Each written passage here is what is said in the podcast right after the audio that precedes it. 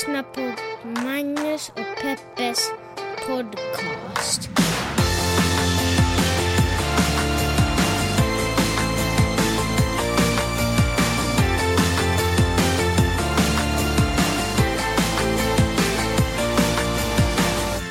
Magnus och Peppes podcast in the house, precis som alla andra nu egentligen under coronatider. Hjärtligt välkomna till den här podden. En podcast där vi pratar om stora och små händelser i världen och så gör vi det ur ett journalistiskt, feministiskt och mediegranskande perspektiv. Hur mår du Peppe? Men jag mår bra, Magnus. Har du, känner du att du har fötterna på jorden? Ja, men det har jag väl alltid. Har du det? Det har, jag är väl en väldigt grundad människa. Mm. Hur, hur, hur många gånger om året känner du dig ogrundad och osäker? Fyra. Fyra gånger. Men Ja. är det långa perioder eller är det sådär, ja den här dagen, den här förmiddagen var det lite tungt? Nej, men jag kan ju ofta känna bluffsyndromet. Bluffsyndromet? Jaha, Ja, men du, vet, är en bluff? Jag menar att någon kommer att komma på mig liksom, Mm. och bara ha! Och då kommer det här luftslottet att rasa. Ja, allting kommer rämna. Ja. Och vad, vad gör du då? Vad hamnar du då?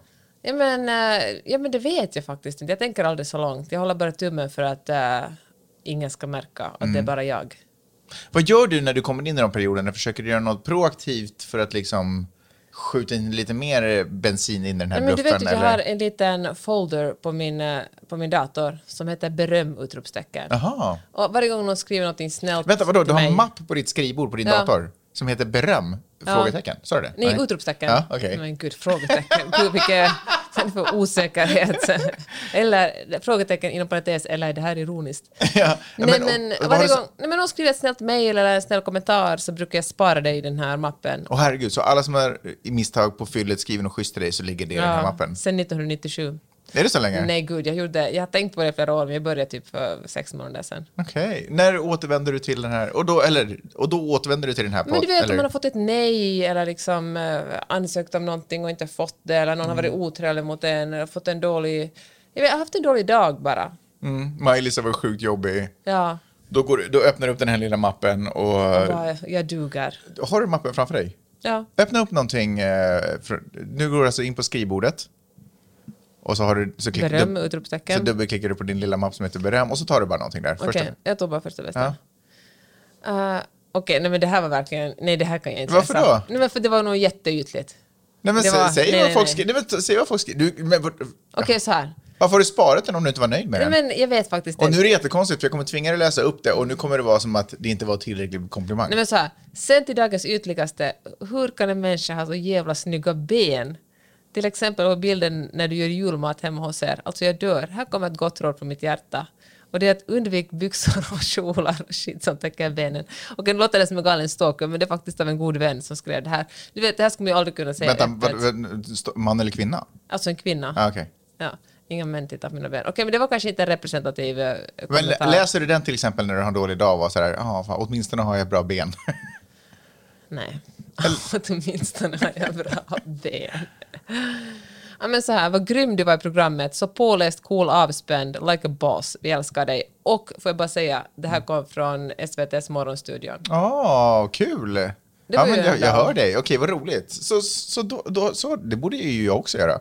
Eller Ja. det är kanske inte så bra om jag gör det. Det blir för mycket. Ja, Liksom. men jag tror att ditt ego behöver snälla filas ner lite. Jag behöver en annan mapp som är Ja. sådär calm down. Sit down. Ja. Be humble. borde min mapp heta. Fantastiskt. Bra tips ändå. Eh, vi, ska vi kicka igång podden? Vi gör det. Då kör vi.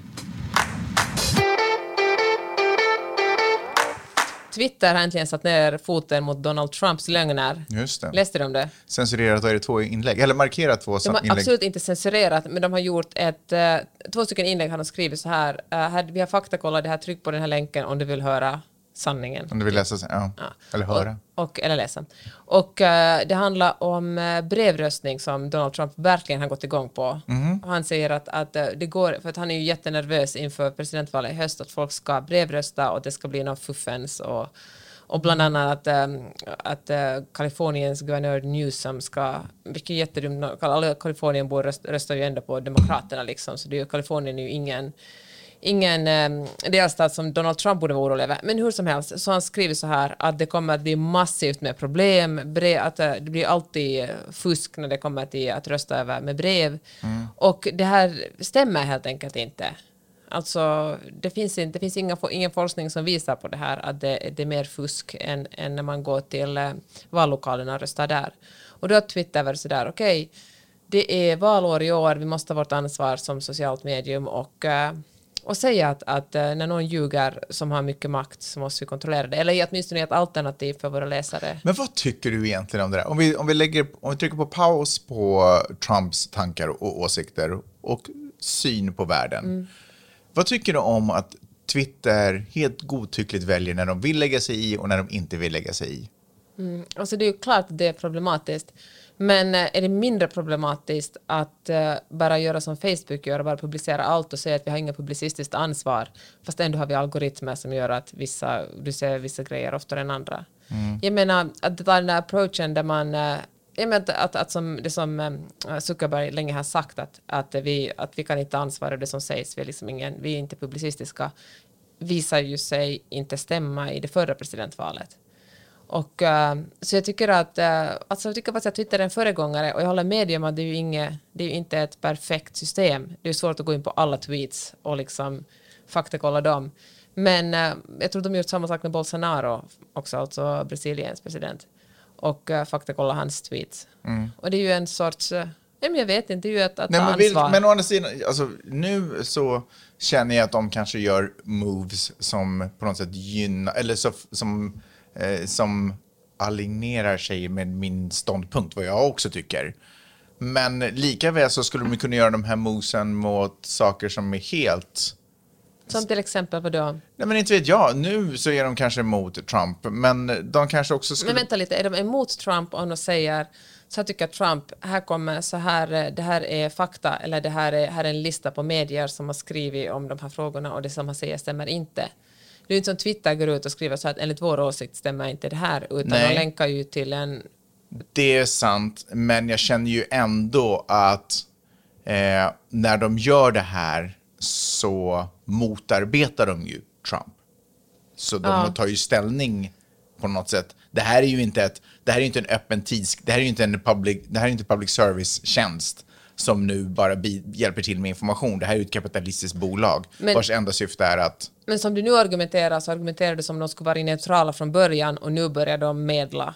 Men de har ju inte varit, det är ju omöjligt att vara neutral som en plattform. Det har ju liksom visat sig. De har ju varit neutrala från början. Nej, utan tack vare dem så sprids ju jättemycket, eller på grund av dem sprids det ju enormt mycket lögner. Nej, men de har ju, alltså neutrala i den bemärkelsen att de har bara släppt allt. Ja, och, vi har ju, och förra valet visar ju att det inte funkar så eftersom folk blir manipulerade med saker som är osanna. Mm. Och då har ju Jack Dorsey som är Twitters vd tänkt att okej, okay, eftersom jag har den här enorma plattformen som sprider otroligt mycket information, då måste jag göra mitt bästa för att se till att åtminstone en pytteliten del av den här informationen, äh, åtminstone information som når ett visst antal människor, är någorlunda sann. Eller det finns åtminstone alternativ så folk får liksom en, en uh, en möjlighet att uh, fakta, eller kolla, att själva kolla. Men jag undrar hur mycket tid de lägger ner på att faktagranska andra liksom representanter av andra politiska åsikter?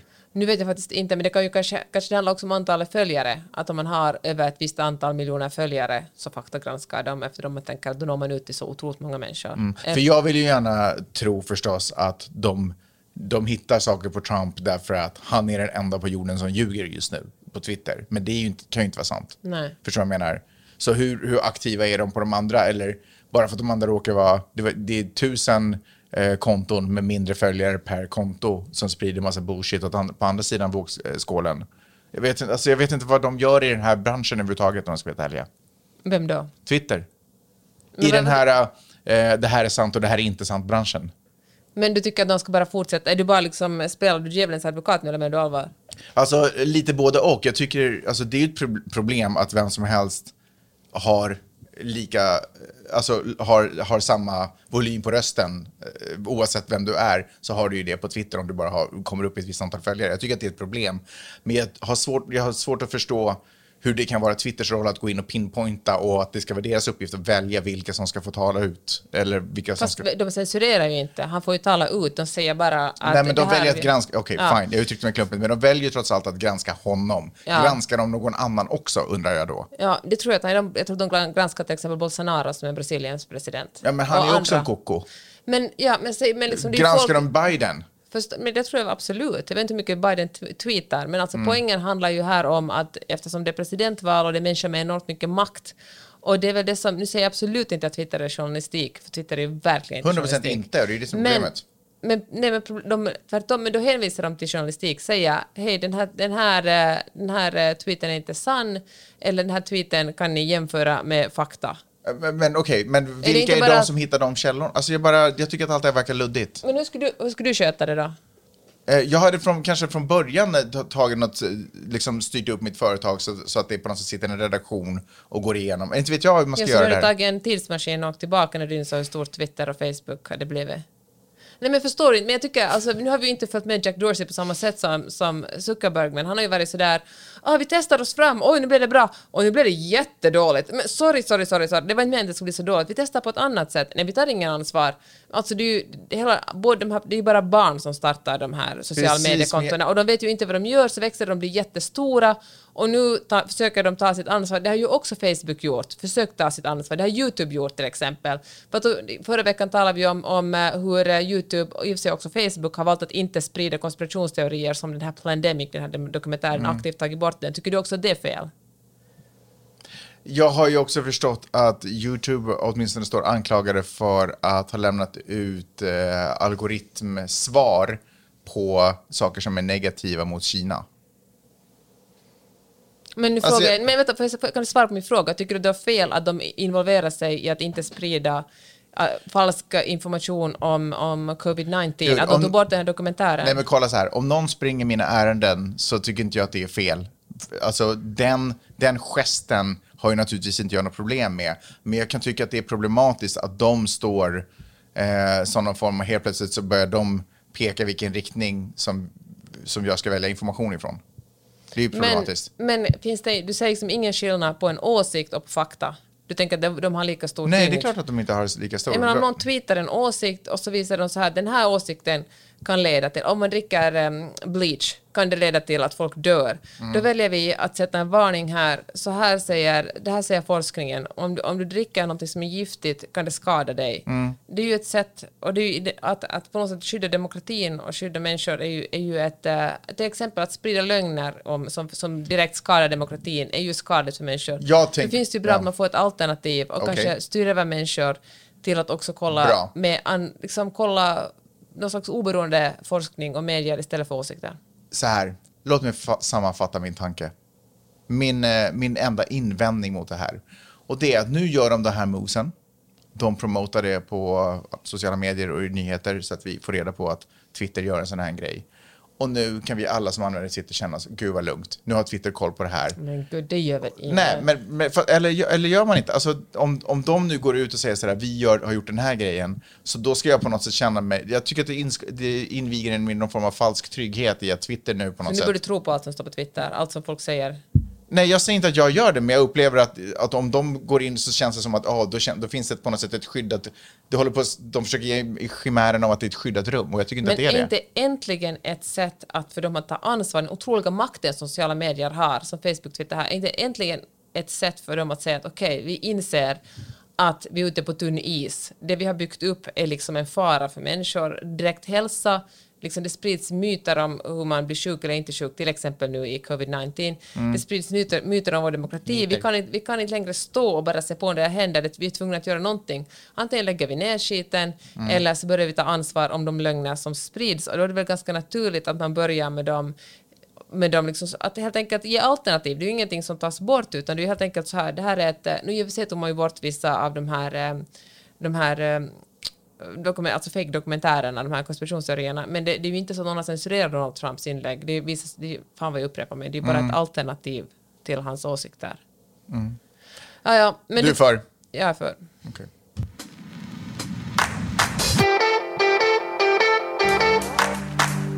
If you have a problem figuring out whether you're for me or Trump, then you ain't black. It don't have nothing to do with Trump. It has to do with the fact I want something for my community. I would love to see Take a look at my record, man. I extended the voting rights 25 years. I have a record that is second to none. The NAACP has endorsed me every time I've run. The war, I mean, come on. Take a look at the record. Woo! Joe Biden! På i The Breakfast Club med, eh, vad heter han, Charlemagne the God. Det är ett ödmjukt namn, kan man ju börja där. Eh, det här var Joe Biden som vi hörde. If you ain't voting for me. Jag tror att han sa if you ain't voting for me, You ain't black. Alltså, spontant. Men- har Joe Biden tagit sig vatten över huvudet? Håller han på flippar? nej det tror jag Eller inte. har han bara, är han så synkad med den communityn i USA att han är bara avslappnad och, och uttrycker sig så som han vill? Men alltså, för det första, alltså jag har så mycket att säga om det här. För det första känner jag att jag känner en sån otrolig stress inför att Joe Biden ska säga någonting dumt. Jag vet inte varför jag går omkring och bär den på en Du sån vill inte att han ska fucka upp den här leaden som han Nej, har? nej. Jag bara, nej, säg ingenting. Och det är verkligen världens mest onödiga sak att ligga vaken om nätterna. Jag menar, jag kan väl ha, ligga och ha ekonomisk ångest istället, det är liksom är real. Mhm. Men, ehm, och det här ain't, fan, först när vår kompis eh, Tamara som identifierar sig som svart, när hon sa att vita människor kan inte säga ain't, Mhm. som jag insåg att vita människor inte får säga ain't. Det fanns så många, det är så mycket jag inte vet om USA. Det visste inte jag heller. Nej, hon bara, men vad håller han på med? Är, det- är det en, eh, det är en, för det är en, liksom en svart grej Ja. i det här? Ja. Ja. Men till, alltså jag håll, det var ju otroligt klumpigt och direkt dumt av Joe Biden. Fast han har inte fått supermycket kritik för det. Han har fått jättemycket kritik för det. Ja, och han är i och Alltså- för sig också typ lite bättre om ursäkt. Men Ja. hans ursäkt var också en liten sån här, han kände inte nödvändigt att be om sån här förlåt. Han gjorde ingen Paolo Roberto om vi säger så. Han satt inte... Han satt inte Too med, soon. med, med, vad heter hon? Jenny Strömstedt. Jenny Strömstedt. Var så här, hon bara, vad, vad hände? Ehm, jag sa ain't. Så var det inte. Ja, men så här känner jag, det är otroligt klumpigt att säga en sån sak. Det som han sa var ju alltså att om man, inte, om man är svart och inte röstar på någon så är man inte svart. Var det så han sa det? Typ. Och, eh, det är ganska ballsy av en Det ganska- 80-årig vit man från typ det rikaste Texas eller var nu är ja, men uh, okej, men vem är inte de bålsigaste i världen om inte gamla Om inte just gubbar? dem, ja. ja. Men jag kan, om jag måste förstå honom så, så känner jag så att han satt och kände sig tuff med de här på riktigt tuffa killarna. Mm. Och han liksom, de satt och, och, och liksom snackade lite och han, ville, han drogs in i jargongen. Mm. Det fick han inte göra för han är en vit gammal gubbe, men han drogs in i jargongen och han kände liksom, vi sitter här med Mm, Philips-pistoler. Ja, Ja. och så sa han någonting som kanske skulle funka och de satt ute och drack öl tillsammans. Men det funkar inte med, vad har de, alltså vanligtvis har de väl 8 miljoner lyssnare, men nu måste de ju ha haft jätte, jättemycket fler. Åtminstone i efterhand också. Ja. Ja. Så, um, ja, det var inte så smidigt. Ja, min, min uppfattning är ändå att eh, det här inte på något sätt har eh, drabbat honom så hårt. Det är ju, ska, vi, alltså, ska, jag, ska jag vara helt ärlig, den enda person som jag sett har motsatt sig här är en svart eh, kongressledamot som representerar Republikanerna. Som tyckte att det var inte hans sak att uttrycka sig på det här sättet. Att jag egentligen inte sett att du vet de här organisationerna, vad de heter, NWACP eller några sådana saker som är så svarta stora organisationer. Jag har inte sett att de skulle ha varit sådär, aj, aj, aj Biden, nu, nu håller du på att fucka upp dina chanser att ha vår support. Eh, och faktum är att det här kom i slutskedet av en intervju där Joe Biden egentligen nästan hade rest sig upp och var på väg bort för att hans eh, presstalesman har varit så okej det här är över. Liksom. Eh, och då slänger Charlemagne ut någon sista, heter han typ Charlemagne? Ja, Magnus, det är du. Då hade han slängt ut någon sista fråga och då hade Biden mer bara så här impuls, alltså för det var spontant, vilket jag också tror räddade honom. Det var inte ett in, förstår du vad jag menar? Om det här hade varit, det var ett skoj liksom. det här var en känslomässig... Det var en lappe. Det var, nej, det var inte en lappe. Det här var hans känslomässiga, det här är vad jag tycker, så driver ni med mig? Alltså, det står mellan Trump och mig. Vad är det här ens för fråga? Mm. Det kan på inget sätt gynna dig om du tillhör, en- oavsett minoritet i det här landet, så kan det inte gynna dig om du röstar på Trump. Så vad, vad snackar de? Men sen, i och med att han hade haft den här jargongen och ett sätt, och liksom att han kände sig bekväm i situationen, så man Han hade, uttryck- hade en bra intervju säkert bakom sig också. Säkert, men han hade uttryckt sig, ja, för han pratar ju till sin väljargrupp. Mm. Liksom. Jag tror att han är ganska trygg i den väljargruppen. Eh, men han, som han själv uttryckte sig, tror jag att han hade, han bad om ursäkt för att han hade uttryckt sig möjligen lite chevalier. Jag Va? vet- jag vet det är ju att vara artig.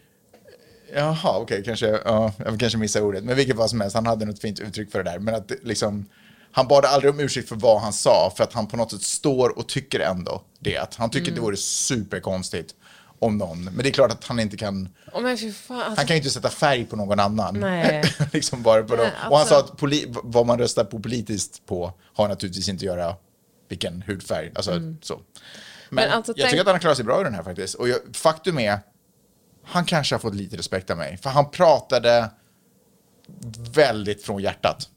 För han blev upprörd på riktigt, för han tycker att han är det självklart. Alltså han Och det vill man ju ha. Man vill ju ha någon som pratar från hjärtat. Exakt, som inte bara lurar folk och ta, ta mig, jag har den godaste mm, kryddblandningen här.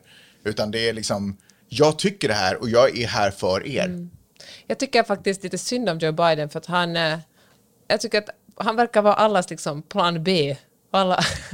Men alltså det är ganska få som är sådär, eh, förutom de demokraterna. Men typ, allt som man läser om, alla tweets är sådär, ja, ah, Är det sant? Jag börjar det så känna, alltså jag tycker att den här, okej nu är inte jag svart.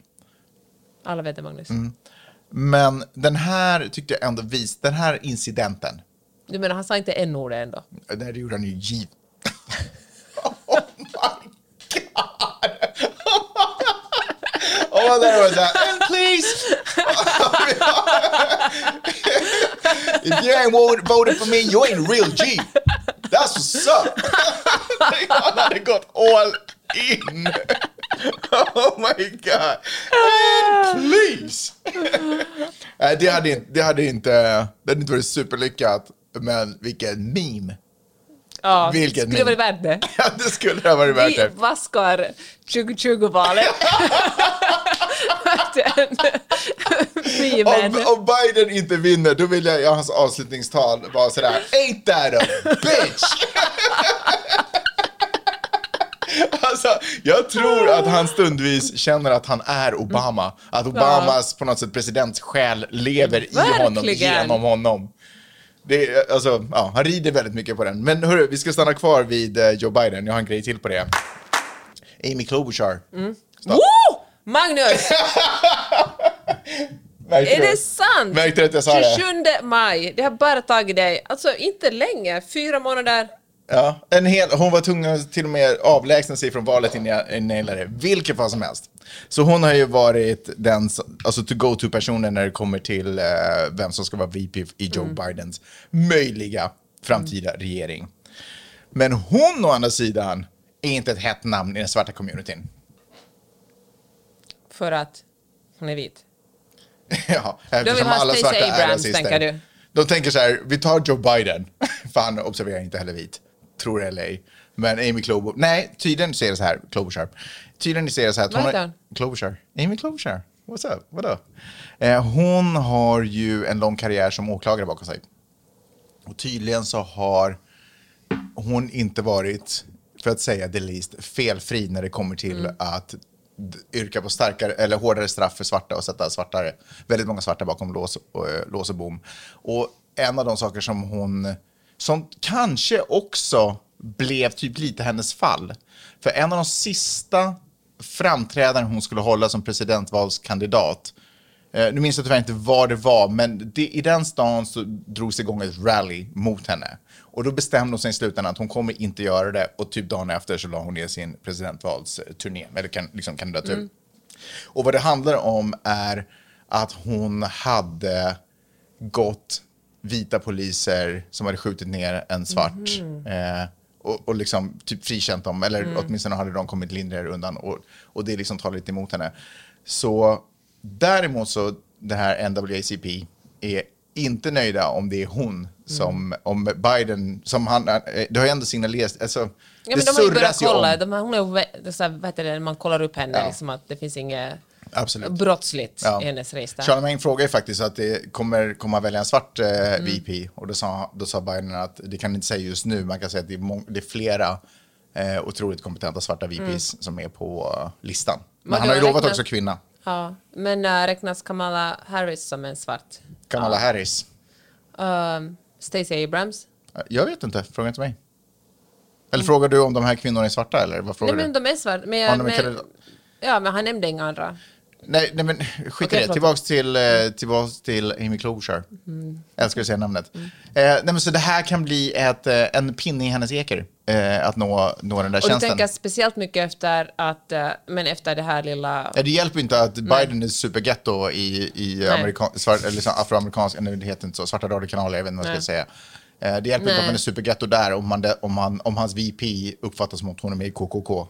plus den rasismen som Alltså, som, alltså det är ju inget nytt med rasism. Jag tror att det var Will Smith som tweetade att, att, att rasismen har inte ökat men den filmas nu för tiden. Mm, alltså mm. när vi spelar in det här, det är bara en, är det ett dygn sedan en, en svart man blev kvävd till döds ja. av några ja, vita poliskonstaplar. Ytterligare. Eh, alltså det, det, slutar aldrig. Nej. Och, och förra veckan att... talade vi ju om de vita snubbarna som sköt ihjäl en, eh, och det tog så flera månader innan de ens hamnade inför rätta. Jag vet.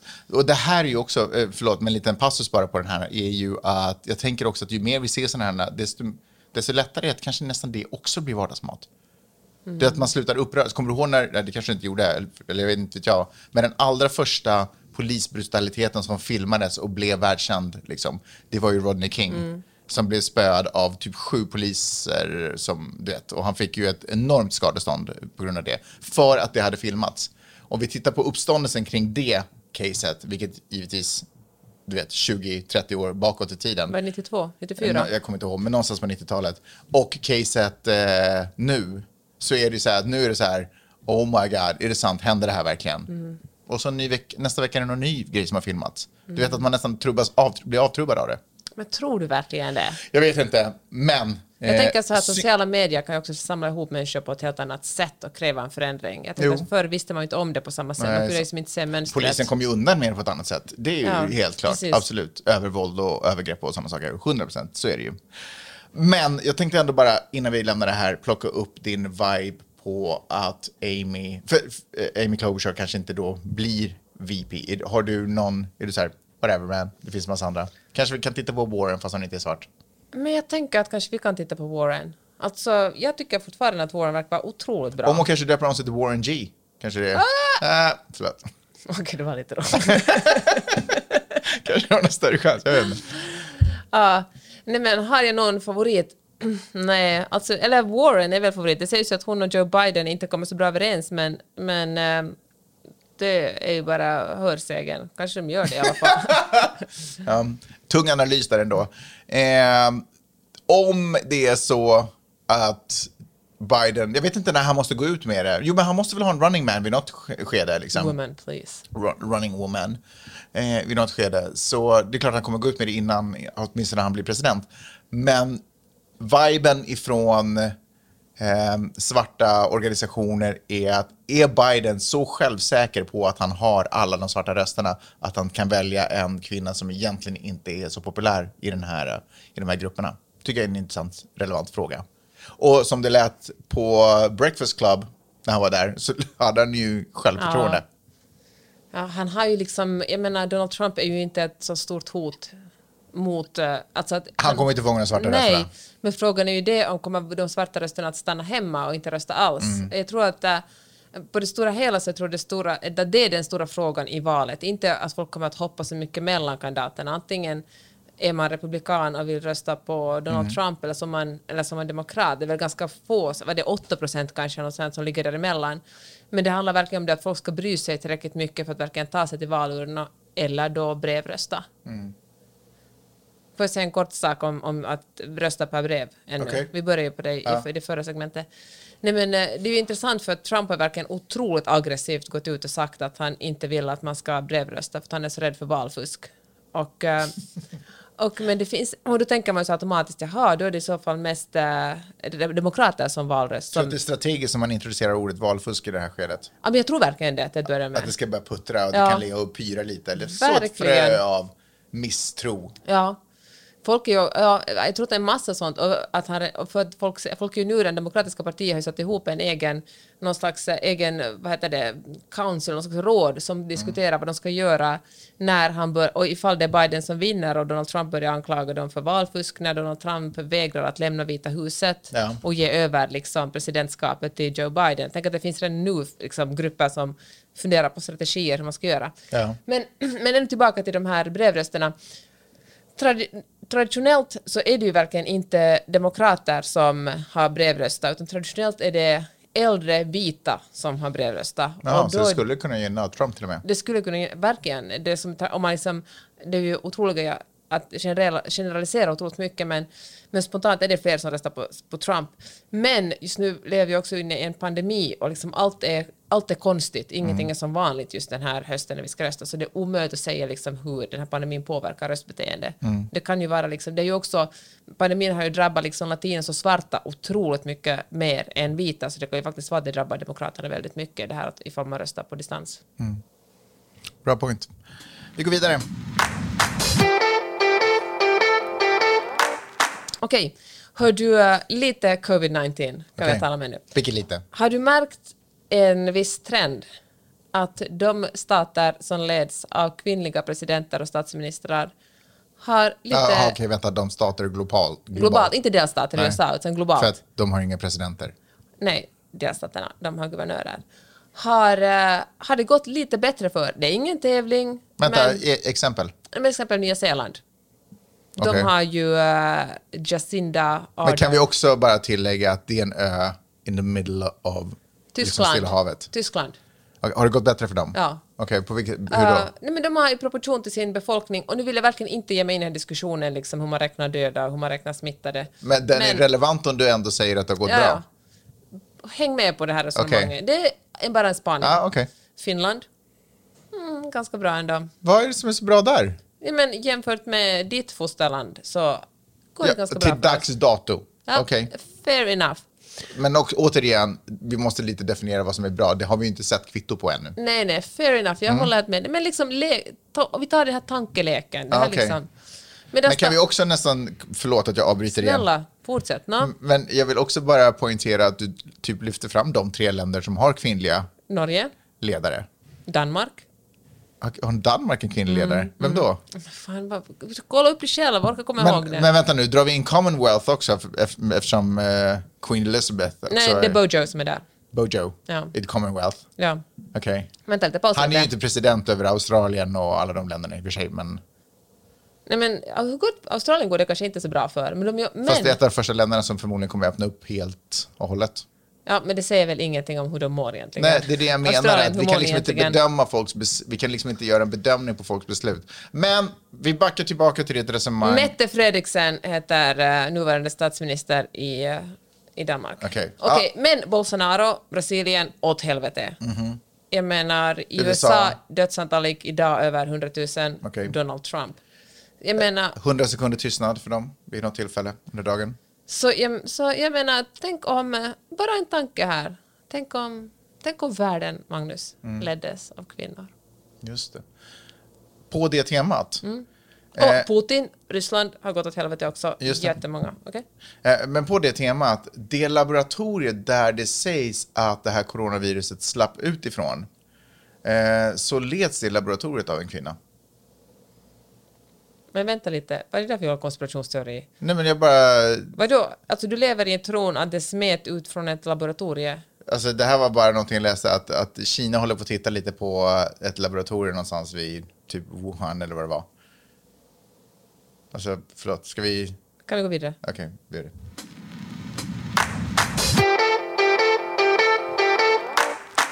En liten grej om corona. Fortfarande. igen?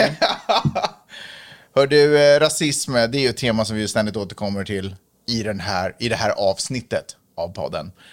Eh, I eh, England så har det gjorts en undersökning och närmare hälften av alla människor i England tror att covid-19, eh, enligt en, en studie som gjordes där av the University of Oxford, så tror de att det, är, eh, att det här är liksom eh, planterat, det här viruset. Och närmare 20 procent tror att det antingen har med judar att göra eller muslimer Nej, som är ansvariga för, för det här virus, virusets alltså spridning. kinesiska judar och muslimer som sitter och, i ett laboratorium i Wuhan och och, sprider och det. sprider ut det här. Nej, men jag menar, folk eh, klamrar ju fast vid alltså, allt, allting som känns som är någon form av förklaring för det faktum att skit bara skulle träffa fläkten är liksom så oförståeligt Mm. för våra, oss som människor. Så att det måste, kom, det måste finnas ett Det högre ja. syfte. med- Det är som att vi alla går omkring och är typ lite religiösa fast vi alla nog sådär har avstyrt, Ja. Gud har varit död de, närmaste, typ, de senaste tusen åren. Men ändå så... Det måste finnas en fiende vi kan enas mot. Ja, det måste finnas, ja men precis. Det Det måste finnas en högre makt, makt som kontrollerar. För hur skulle det annars kunna vara så att jag på riktigt har ett skitigt liv? Hur kan det vara så om det inte är så att det är någon som har sett till att jag har det? För gud förbjudet, jag skulle vara ansvarig för någonting som händer runt omkring mig i min egen närvaro. Eller min egen omgivning. Och shit kan ju hända utan att man är ansvarig för det. Populär, eh, popul- en av de populäraste tankarna är ju förstås att det här är ett sätt för Kina att utrota västvärlden. Eh, vilket inte skulle förklara varför de då släppte det lös i sitt eget land först. Det känns ju mycket lättare att bara sätta det på ett, jag vet inte. Air China och bara låta det landa i någon storstad. Men du vet.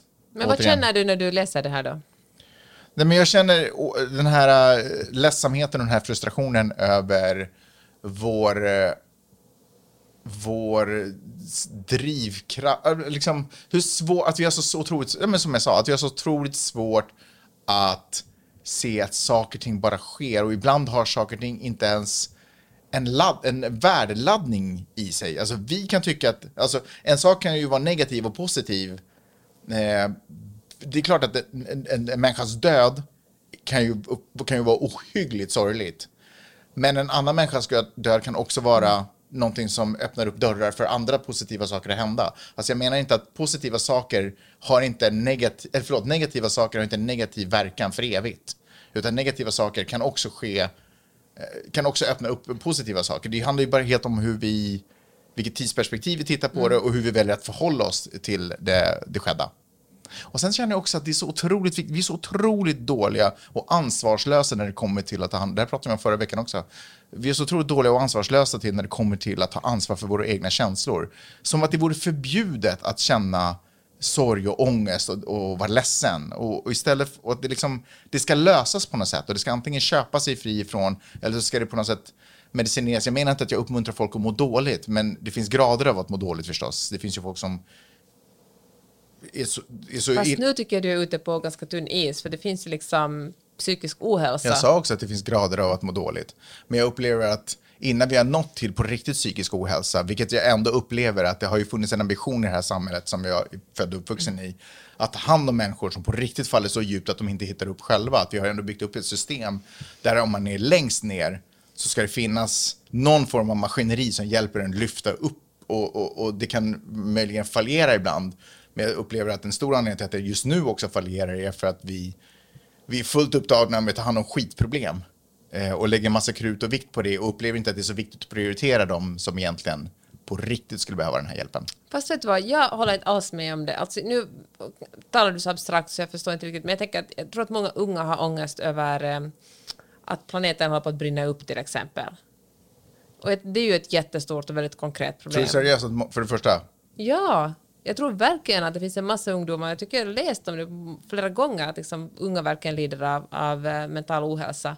Men jag tycker man måste vara noga med att inte blanda ihop att ha en dålig dag eller liksom eh, att ha sovit dåligt och, och, och liksom inte se sina egna privilegier med att verkligen ha, liksom verkligen, ja men lida av en sjukdom.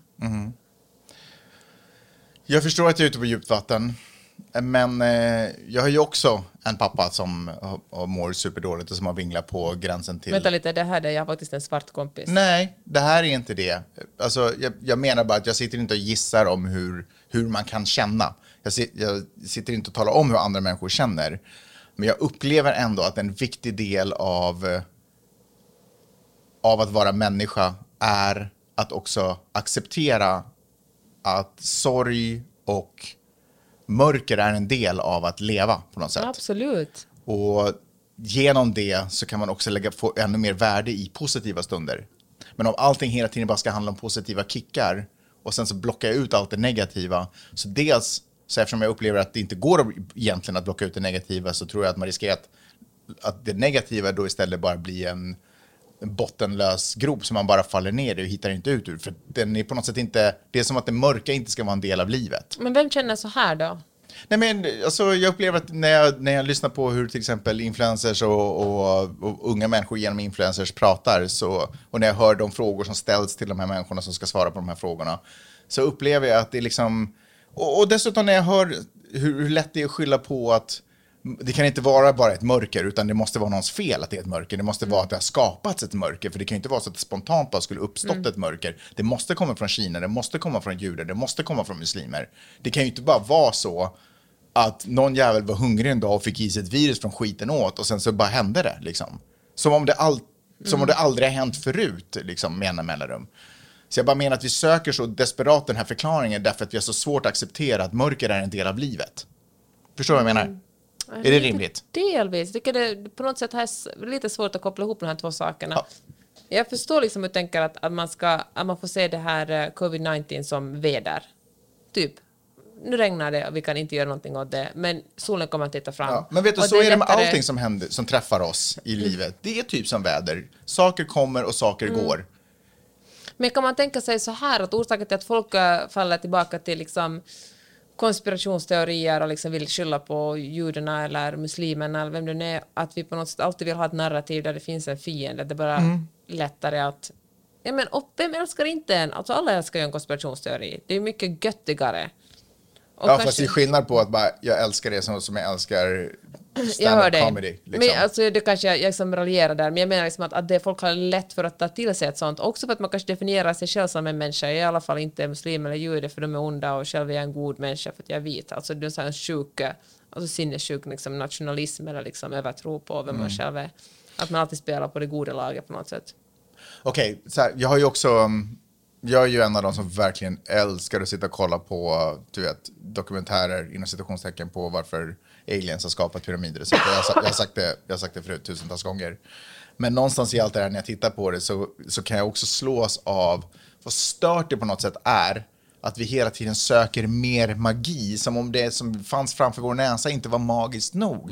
Det är ju helt sinnessjukt att vi ens går på den här planeten. Alltså det, är så, det är så mycket trolleritricks i det faktum att jag har skapat som människa, den utvecklingen som jag gick igenom i, i min mammas Alltså det är som mammas mage, det är så mycket som är så sinnessjukt magiskt på den här planeten. Saker som inträffar i människors liv som gör att jag lär mig saker, kan få se nya vidder och andra människors upplevelser. Men varför tittar du på sån shit då? Nej men förstår du vad jag menar? Nej men, eh, Jag, men, men jag vill... Jo, men det är ju underhållning. Men det är en sak när man tar den underhållningen och man börjar skapa en verklighet runt den underhållningen och så kliver man in i den warp-zonen av verklighet och helt plötsligt befinner man sig i en värld där det måste ha funnits alien eller jättar eller folk som har skapat ditten och datten och, och, och virus som finns på jorden, de kommer från onda människor och helt plötsligt är allting en Star Wars-film. Alltså, vi behöver inte det, därför att allting som finns här är redan så sinnessjukt magiskt om man bara skulle ta sig lite tid och studera verkligheten och gå till botten med hur är det ens möjligt att blommor kommer från jorden? Hur är det ens möjligt att de här sakerna finns? Hur är det ens möjligt att vi har ett klimatsystem? Alltså förstår du? Om vi skulle börja titta lite på verkligheten och studera den så skulle vi vara helt mindblown och vi skulle ha lärt oss lite saker på köpet.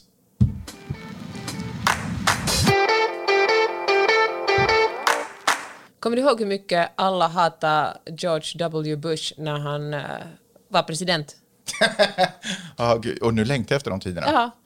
Kommer du ihåg när man fick kasta en sko mot en dude som var president? Ja, det var fina tider då. Nej, men eh, han och eh, Obama blev ju senare kompisar, de hänger ju, alltså de hör ju till President's Club. Alla forna presidenter hör ju till President's Mhm. Har de en Club. sån här fet diamantring på, ja, klackring Ja, på jag vet faktiskt inte. pink, ring finger? Och, eh, och det är mycket lättare att gilla före detta presidenter eftersom de inte har någon makt och eftersom de, om de sitter hemma och målar gulliga porträtt av sina hundar liksom. Seriöst, med tanke på vad som sitter på presidentskapet just nu, om Stalin hade varit en av tidigare presidenter i, eh, i USA så hade man varit sådär, dude, okej du är gammal nu, let's just hang. Ja, och den gulliga mustaschen. Med den där gulliga lilla mustaschen, för det är ju katastrof. Okej, Ja, fortsätt. men det finns ju en, en sån här tradition i Vita huset att när en president avgår och en ny stiger in, då ordnar den nya presidenten en ceremoni där man hänger upp ett porträtt av den, av den presidenten som avgått. Och, eh, och då kommer den gamla presidenten och tydligen när Obama var liksom president och, och George Bush kom till Vita huset var det ju samma personal som jobbade där och då kom de dit och fick en, porträttet blev avtäckt och George Bush var sådär att åh, här är mina betjänter, hej, hur mår ni? Mina bekänta. Nej, men jag tyckte det var trevligt att träffa liksom personalen och allt var mysigt. Ja. Men eh, Donald Trump han vägrar att eh, sätta datum eller ens ordna någon sån här ceremoni. Han har ju snart suttit liksom sina fyra år där men att, för Obama att komma tillbaka. Han bara låtsas som om Det det inte existerar. Och, eh, Och det är intressant. Och så han fick en fråga, jag lyssnade på, på det som heter 1A på NPR och då hade... Men tror du, förlåt, men tror du Obama saknar, eller så längtar efter att få... Få hänga med honom där? Ja. Nej. Men poängen är inte vad de längtar efter. nej. Jag tänkte, för min poäng faktiskt just det här är att politik inte ska vara personligt och känslomässigt. Alltså delvis Mm. ska det ju vara känslomässigt, man ska vara sådär att jag brinner verkligen för den här frågan. Men när det blir känslomässigt personligt blir det jättekonstigt. För då hade Trump fått den här frågan att varför, liksom, varför finns det inget datum för det här? Och då Mm. hade han sagt det som du sa ungefär att men varför fan ska jag bjuda in Obama hit liksom? Ska han ens vilja komma? Va? Det, det är väl... Hade han sagt det? Ja, det finns väl ingen men jag tror att han orsak. är lite sådär, men tror du ens vill komma? Jag är så osäker. Men, att Obama skulle ghosta honom liksom. Ja, exakt. Vilken förnedring. Det, verkligen. Ja, men jag tror att det är mycket som driver, just den rädslan är något, mycket som driver Trump. För att Trump inte har få vara med i de tuffa killarna liksom. Ja, för Trump har ju ändå rekord av att bjudit in så här, vinnare i sportturneringar som sen Ja. har bestämt sig för att vi vill inte dyka Ja, upp. Och han är bara, bränd. äh, Han ja. blev bränd förut. Han har blivit bränd förut. Då kanske man Ja. inte tar in liksom, en av Nej. landets tidigare högsta ledare. Och han, men, ja, han umgicks ju med Clintons förresten. Clintons var ju på, han, han gifte sig med Melania var ju Clintons på bröllopet. Eh, Trump? Ja, nej alltså Clintons var på Trumps bröllop när Trump och Melania gifte sig. Är det sant? Ja, men, eh, men sen gick allt... Jag tror att det är, det är inte aktuellt nu. Nej, hans fjärde fru kommer inte. I alla fall. Ja. Men, eh, men det, min spaning här är det, jag säger inte att det gäller alla, men det, säger, men det säger ganska mycket om politiken just nu i USA, att den är så otroligt personlig. Det är inte så här att att eh, jag är republikan och vi tror på det här, lägre skatter och mer pengar åt de rika, de fattiga får skylla sig själva. Och nu raljerar jag igen, men du förstår liksom att det handlar inte om, om Demokraterna så vi måste ta hand om varandra på ett annat sätt och okej, med mindre skatter åt de rika tycker de ju också, men i alla fall, utan det är verkligen personligt, det är så att om man, att man avskyr varandra som personer. Han vill liksom inte ha någonting att göra. Det är som ett, en, en fight liksom. Ja. Det är som två olika gäng. Som, det är som West Side Story Alltså, utan vet du vad? kärleken. Det är som barn. Ja. Och jag tycker att det är säkert också delvis eh, sociala mediers fel eftersom folk är så otroligt känslosamma och det är det som växer, det som, det som får reaktioner på sociala medier är ju känslor. Det är ju inte fakta. Det är inte så här, detta har liksom hänt eller det här är, det här är någonting, jag skriver någonting neutralt och oberoende. Utan det som väcker känslor är ju sad i versaler, utropstecken. Eller, och jag tänker att hela, liksom, hela den här kulturen har liksom format Donald Trump. Och han, och medan han också formar politiken där man liksom istället för att tycka olika, ha en annan ide- ideologi än sin motståndare så är det en personlig fight. Det är liksom en, en, man driver en, nästan en personlig vendetta mot någon som står på den andra sidan. Men där måste jag ändå säga, för du du sa att han formar också politiken och det gör han ju förstås i den tiden han lever och den tiden han styr. Men jag känner ändå att det här är en sån avart av A. Mänskligt beteende och, och, ledarskap och B. Liksom, politik på, på den här nivån.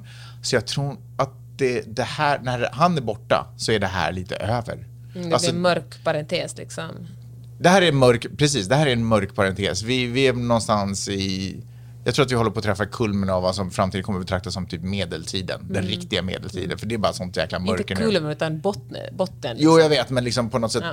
du vet, vi Men- väntar på covid-piken och jag tror att vi på något sätt håller på att vänta Ja. på en medeltida peak här också. Ja, men hoppas det att han bara inte lägger någon sorts kultur som kommer att fortsätta. Dels är han ju ganska unik som människa. Alltså jag kan ju bara inte riktigt se, om vi ens tittar på de andra presidentvalskandidaterna, okej, granted, de var alla demokrater, men jag tror att om vi skulle dra upp en radda med republikanska Mm. så är det väldigt få som skulle vara, alltså ingen skulle vara som Trump Nej, på, det det, det. på det ständet.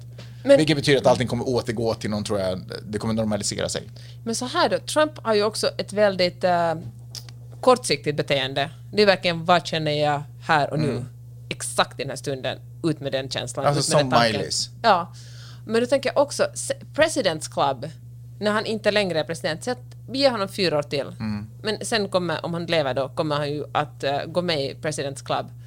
Men kommer han? Hur kommer, det, hur kommer det att vara där? Kommer man att kunna förlåta honom och liksom vara på samma sätt kompis med honom som jag menar George W. Bush och eh, Bill Clinton hade ju politiskt väldigt olika åsikter men ändå umgås de nu. Kommer man att kunna välkomna in Trump i den efter allt han har sagt och gjort i den klubben? Nej men det tror jag faktiskt. Jag tror faktiskt inte det. Jag tror det. Jag tror att de kommer att finnas där men det kommer att vara otroligt awkward. När det här är över så kommer en lättnadens suck dras av Moder Jord och universum.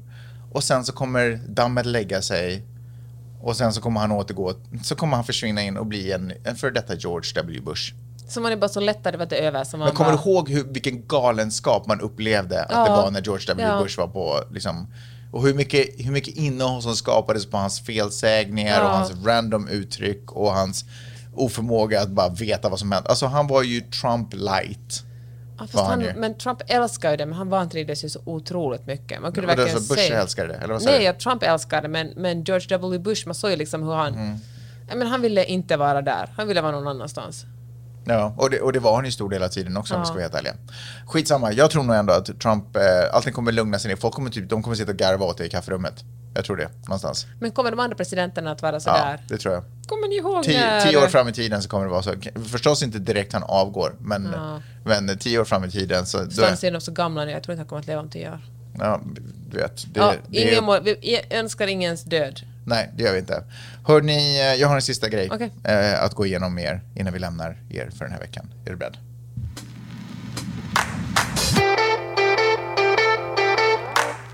New Week, New Week? Vad är det för någonting? Newsweek. Känner du till den tidningen, Peppa? Mm. Är det en bra tidning? Finns den ens längre? På, på nätet finns den. Jaha. Och man kan beställa prenumeration där. Jag tycker att den har artiklar som jag förstår och kan läsa. Okej, det, Det är alltså en känns- pekbok nu för tiden. Ja, det är en pekbok. Om man trycker på, på symboler så får man fram nyheter associerade med dem. Här, här trycker jag till exempel nu på ett hus.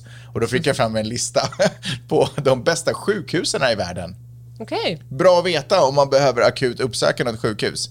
Vi har ju, jag ska säga att sjukhuset som ligger egentligen närmast oss här i Santa Monica, det heter, eh, nu ska jag säga att det heter Cedars Sinai Medical Center. Eller hur? Många kändisar har fötts på det sjukhuset kan jag bara få tillägga också. Många icke-kändisar också. samma på. Eh, bland annat vår vän eh, Connors, eller vår vän eh, Rose och, och Declan, eh, bra. deras dotter. Bra är född- är född där, skitsamma. Eh, jag tänkte dra några från den här listan. Okej. Kul att höra för dig. Som är födda i vårt närsjukhus. Nej, stopp! De listar på de bästa, alltså de högst rankade Ah, sjukhusen okej, i okej, okej. världen. Ja, ja, Var finns de? Gud vad spännande, äntligen. Har du är varit på ett sånt någon gång, till exempel? Nej, jag var tvungen att föda vårt barn i ett stripmall på Sunset. Det var barn nummer två, du visste redan hur man gjorde, så allting är lugnt. Eh, nummer ett, Mayo Clinic, Rochester. Det är alltså i Minnesota i USA. Där har vi plats nummer ett. Det här är alltså global. Um, Cleveland Clinic, eh, obviously Cleveland, Ohio i USA. Massachusetts, svårt ord, Massachusetts. Eh, General Hospital i Boston, Massachusetts, USA. Toronto, Kanada, där poppar upp första på fyran. Och så går vi vidare, sen har vi lite, sen har vi lite Tyskland. Charité Universitätsmedicin uh, eh, i Berlin och sen har vi The John, Hopkins Hospital i Baltimore, uh, USA och sen har vi Universitätsspital i Zürich, Schweizland. Schweizland. och sen har vi Singapore General Hospital i Singapore. Eh, och sen har vi ett israeliskt sjukhus och på plats nummer 10, Karolinska Universitetssjukhuset. Mm. Så grattis till er som ligger där. Det första europeiska, eller på att säga, minus Tyskland då. Eh, sjukhuset. Jag har du avslutat med någon slags svensk nationalism här Nej, i nej, nej. podden. Jag tänker att du kanske är nyfiken på var vi hittade första finska sjukhuset. Okej, säg då. Ja, det hittar vi på plats nummer 25. Det är ingen bortkastad, det är ingen bortkastad plats. Det är Helsinki University Hospital som, eh, som ligger på plats nu- nummer 25. Sjukhuset vi har runt hörnet, vad tror du det placerar sig någonstans? 15. Nej, det ligger inte ens med på listan. Va? Ska jag Är det säga. sant? Kan du fatta? Att det är ett svindyrt sjukhus, alla kändisar som är där, jag blev alldeles chockad. Och då kändes det ju otroligt bra eh, att veta att om någonting händer, då åker vi inte till, eh, betalar en massa dyra pengar för att dra till några jäkla sjukhus här i Beverly Hills. Eller var det Santa Monica. Då hoppar vi på ett flyg och så åker vi till Karolinska sjukhuset så vet vi att vi blir väl omhändertagna. Alternativet till sjukhus någonstans. ja. Hörni, det var allt vi hade att bjuda på den här veckan, tänker var- jag. Eller? Nej, jag är färdig. Bra. Det var ett nöje. Det var ett rent nöje. Och eh, mitt råd till er den här veckan är att ni håller er jävligt lugna. Och så hörs vi nästa vecka. Är du med på det? Hej då. Hej då. Ha det så bra.